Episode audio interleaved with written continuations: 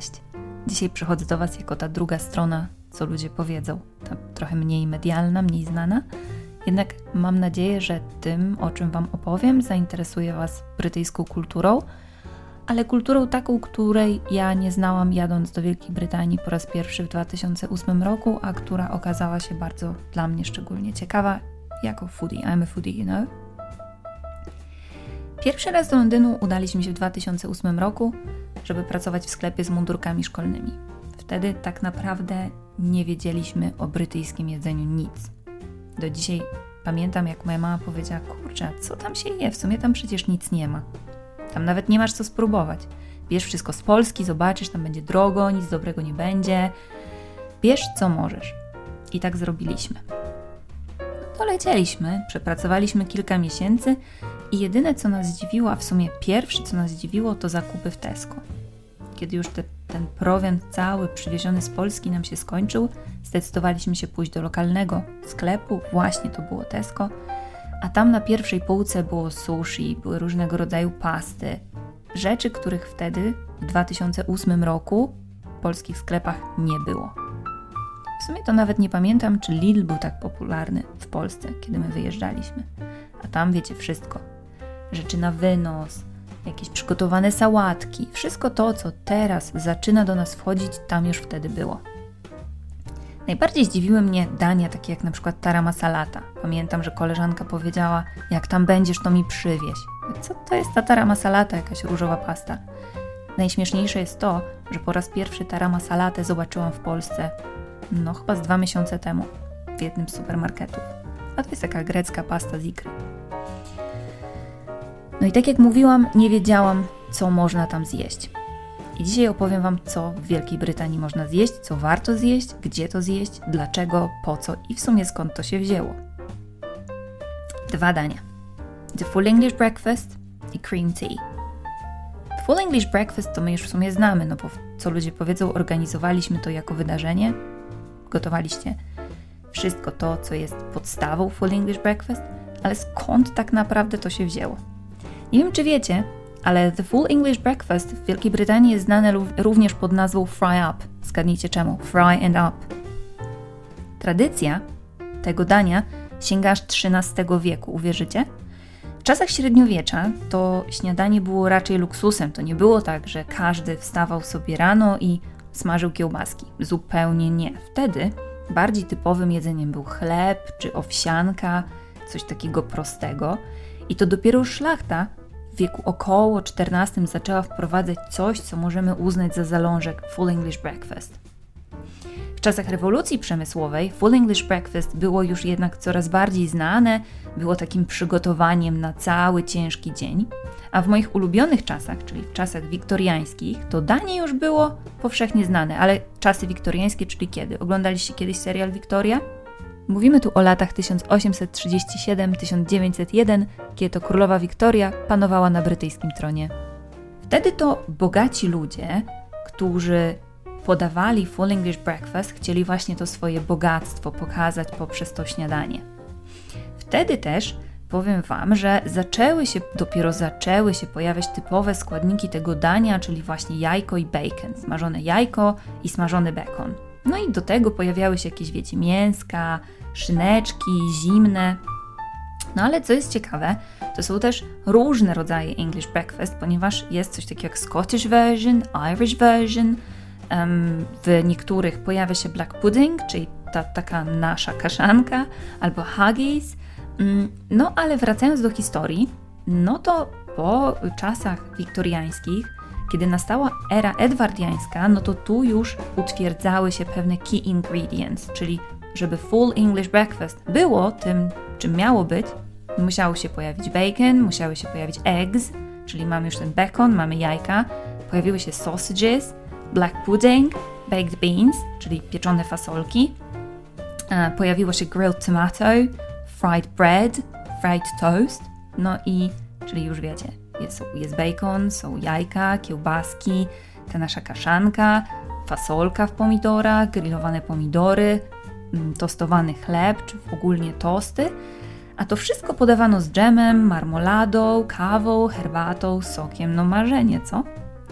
ale to jeszcze nie był szczyt i rozkwit śniadania brytyjskiego. Dopiero w latach około 1950, tak około 1950 roku, Full English Breakfast miało szczyt swojej popularności, a to ze sprawą pracowników fizycznych, którzy to jedli najczęściej to śniadanie w takich, wiecie, blisko portu, obskurnych kawiarniach, w jakichś takich, mm, nazwijmy je, niszowymi, niszowych restauracjach, takich troszeczkę, że strach się bać tam wejść. Ale z ciekawych rzeczy to podobno, i ja nawet w to wierzę, mm, właśnie takie miejsca, które są gdzieś z boku ukryte, takie troszeczkę ma się wrażenie, że przydałoby im się sprzątanie, to właśnie tam można zjeść najbardziej tradycyjne, najlepsze English breakfast. Czy my poszliśmy do takiej kawiarni? Powiem Wam za chwileczkę. No i jednym z takich składników e, Full English Breakfast potrafił być hash browns, czyli takie troszeczkę nasze placki ziemniaczane, ale odrobinę inne, albo też frytki.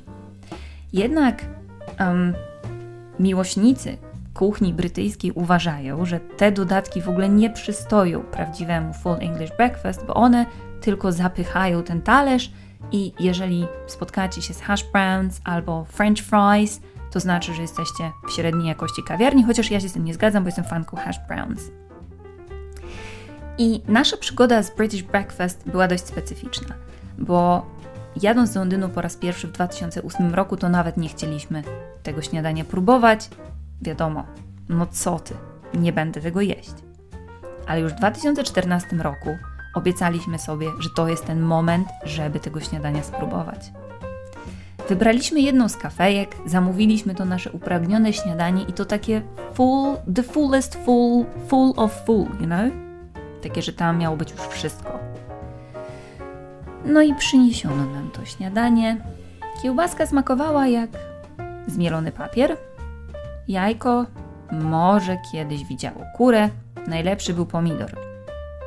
I to był ten moment, kiedy powiedzieliśmy sobie nigdy więcej full English breakfast. Przecież byliśmy w tej takiej rundown cafe, która miała być super, ale nie była super. Dopiero jeden z kolegów uświadomił nas, że w Wielkiej Brytanii są kiełbaski, które można kupić w każdym lokalnym sklepie, które mają dodatek na przykład cebulki albo dodatek jabłka i wtedy zaczęła się prawdziwa miłość. Drugi kolega powiedział, że do fasolki trzeba dodać trochę pomidorów, albo ketchupu, albo sosu pomidorowego i fasolka zmienia swój sens istnienia. I tak było. Boże, dodajcie ketchupu do fasolki. Warto. I powiem Wam z perspektywy czasu, że być w Londynie, być w Wielkiej Brytanii i nie zjeść full English breakfast trochę smutno. Mm, nasze ostatnie doświadczenie to też właśnie taka Mm, troszeczkę tradycyjna, oldschoolowa kawiarnia, która w sumie serwowała tylko i wyłącznie full English breakfast na Camden, Camden Town. No to byliśmy już w typowych, wysokokalorycznych, w obrębie wysokokalorycznych posiłków, spopularyzowanych przez klasę robotniczą, to teraz przejdziemy do czegoś bardziej sophisticated, czegoś, co jest bardziej wyrafinowane.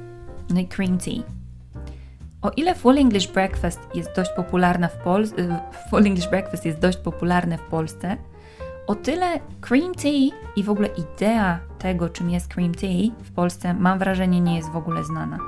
Kojarzymy Wielką Brytanię z herbatą, prawda? Mimo iż tak naprawdę herbata powinna kojarzyć się z Chinami, no bo to jednak Chiny słyną z herbaty, a mimo to my, Europejczycy, myśląc herbata, myślimy Wielka Brytania. No a ta tradycja picia herbaty w Wielkiej Brytanii pochodzi dopiero z XVII wieku. Jako w ogóle datę popularyzacji herbaty często podaje się 1662 rok, kiedy to Catherine de Braganza poślubiła Charlesa II, Charles II, i to właśnie ona rozpowszechniła w Wielkiej Brytanii picie herbaty. Z ciekawostek, 1706 roku e, Thomas Twinings otwiera swój pierwszy sklep z herbatą w Londynie. Pijecie czasem herbaty Twinings? no to teraz będziecie ją pić, mam nadzieję, z zupełnie innym nastawieniem. No ale realnie coś takiego jak afternoon tea czy cream tea pojawia się w Wielkiej Brytanii dopiero w połowie XIX wieku. Jedna z wersji pochodzenia tej tradycji mówi, że wzięła się ona od Anne, księżnej Bedford, która to właśnie około popołudnia robiła się głodna, no a kolacja w domu była podawana wieczorem około ósmej. No i jak tu sobie poradzić, jak ci tu burczy w brzuszku? No i księżna prosiła, żeby jej do pokoju przynoszono tackę z herbatką, chlebkiem, masełkiem, no i tak przynosili późnym popołudniem. No i ostatecznie, wiecie, przyzwyczajenie wzięło górę, stało się to zwyczajem, no i zaczęła zapraszać koleżanki, znajomych. No a już około XIX wieku, pod koniec XIX wieku, ta tradycja zaczęła być taka bardziej fancy, wiecie, panie przy, przyodziewały długie suknie, zakładały rękawiczki, a posiłek podawano już w salonie między czwartą a piątą. I powiem Wam, że to cream tea nadal jest bardzo fancy, przynajmniej w mojej opinii, a jak podam Wam ceny, to mam nadzieję, że się ze mną zgodzicie. Należy jednak pamiętać, że te lata wcześniejsze, 1850 rok, to jest czas wzmożonego mm, rozwoju kolei, ruchu turystycznego, no i w związku z tym to picie herbaty w hotelowych lobby, zagryzanie przekąskami też wzmacniało popularność. Zawsze podawano ten dżem truskawkowy i clotted cream. A co to jest ta clotted cream? Bo clotted cream to nie jest to samo co whipped cream, a przynajmniej zdaniem Brytyjczyków. Clotted cream to jest taka kwaśna, gęsta śmietana, zaś whipped cream to jest taka nasza typowa bita śmietana. Dla nich to ma różnicę. No i powiem Wam, że moja pierwsza styczność właśnie z cream tea była w jednej z brytyjskich kawiarni, mianowicie BB Bakery. Mm, to nawet cukiernia. I siedziały sobie przy stoliku dwie elegancko ubrane panie, i podano im wysoką, trzypoziomową tacę z różnymi przekąskami. Wydawało mi się to takie, wiecie, mega eleganckie, takie no śliczne. Do tego dzbanuszki herbaty, lampka szampana. Mówię, kurczę, też tego chcę. Dopiero cena sprawiła, że mi się odechciało. Jakie są zasady cream tea? W założeniu to jest cały posiłek. Posiłek, w skład którego wchodzi wspomniana właśnie herbata, czasem kawa, niekiedy lampka szampana, musującego wina bądź po prostu winka. I do tego jest selection przekąsek. To są małe kanapeczki, to są małe ciasteczka i skąsy. A czym są te skąsy? O tym za chwileczkę. Ale co jest ważne, nie można tak po prostu zjeść tego posiłku. Tak, no jak to? Pójść i zjeść wszystko naraz. No nie. Są pewne zasady, którymi cream tea się rządzi. Pierwsza z nich jest taka, że zaparzona herbata musi być naprawdę dobrej jakości. I nie, herbata w torebce nie wchodzi w grę. To musi być herbata, wiecie, taka liściasta, zaparzona w odpowiedni sposób, a woda musi mieć odpowiednią temperaturę. Co jest ważne z punktu widzenia etykiety, to to, że ten, kto siedzi najbliżej dzbanka, nalewa herbatę, więc jeżeli wstydzisz się, stresujesz tym, że zalejesz idealnie wyprasowany biały obrus, nie siadaj obok dzbanuszka. Kolejna ważna zasada. Najpierw wlewamy herbatę, dopiero potem mleko, nigdy odwrotnie. Tak, czyli herbata, potem mleko, a jeśli słodzicie, to potem wchodzi cukier. Nie może być tak, że wsypujecie do pustej filiżanki cukier, dodajecie mleko, a na końcu herbatę. To już jest złamanie zasad. No okej, okay, wszystko jest w filiżance, trzeba pomieszać herbatę, a co zrobić z łyżeczką? Pamiętacie? Biały, wyprasowany, idealny obrus. Łyżeczki nie możemy odłożyć na spodeczek. Do odkładania łyżeczki służą specjalne, oddzielne talerzyki i to na nich należy położyć łyżeczkę. Ok, herbata checked. Przechodzimy do przekąsek. Co to są te scones? Scones to są takie typowe brytyjskie małe bułeczki, dość proste do zrobienia. Jeśli macie ochotę zrobić takie w domu, zapraszamy na naszą grupę e, miłośników, co ludzie powiedzą. I tam jest przepis na skąsy. Składają się one głównie z mleka, mąki, masła i proszku do pieczenia. Nie jest to nic trudnego. Ale zrobić dobrego skąsa to też sztuka. Zgodnie ze wszelkimi zasadami sztuki jedzenia mm, cream tea, scones powinien sam się wręcz otworzyć po delikatnym przekręceniu, i powinniśmy oczywiście mieć przygotowany talerzyk, żeby zbierać okruszki, żeby, broń Boże, na nasz biały obrus nie spadł ani jeden okruszek. Mamy, udało się. Scones otworzony i co dalej? Na stole znajduje się masa malutkich miseczek, w których są dżemiki, mamy lemon curd, clotted cream. Czy jest jakaś zasada? odnośnie tego, co powinno na naszym skącie zostać położone jako pierwsze? Haha, jest. Ja o tym nie wiedziałam, zupełnie. Najpierw nakładamy clotted cream i dżem na talerzyk. Nie może być tak, że bierzecie w dłoń łyżeczkę i od razu tą łyżeczką kładziecie tę bitą śmietanę, no nie bitą śmietanę, no tę śmietanę na naszego skąca i dżem prostą łyżeczką na skąca. Nie, nie. Najpierw nakładamy sobie clotted cream na swój własny, prywatny talerzyk. Potem drugą łyżeczką nakładamy jam, bądź też jeżeli macie ochotę lemon curd, a dopiero potem na skąca w odpowiedniej kolejności nakładamy te składniki ze swojego talerzyka właśnie na naszą bułeczkę. No i teraz co idzie pierwsze? Czy najpierw kłaść dżem, potem clotted cream, czy clotted cream, a na to dżem? Tutaj jest dość zagorzała debata pomiędzy Cornwall i Devon, ale przyjmuje się, przynajmniej w Londynie, że najpierw kładziemy dżem, a dopiero potem cream, bo to ma być jam topped with cream, nie odwrotnie.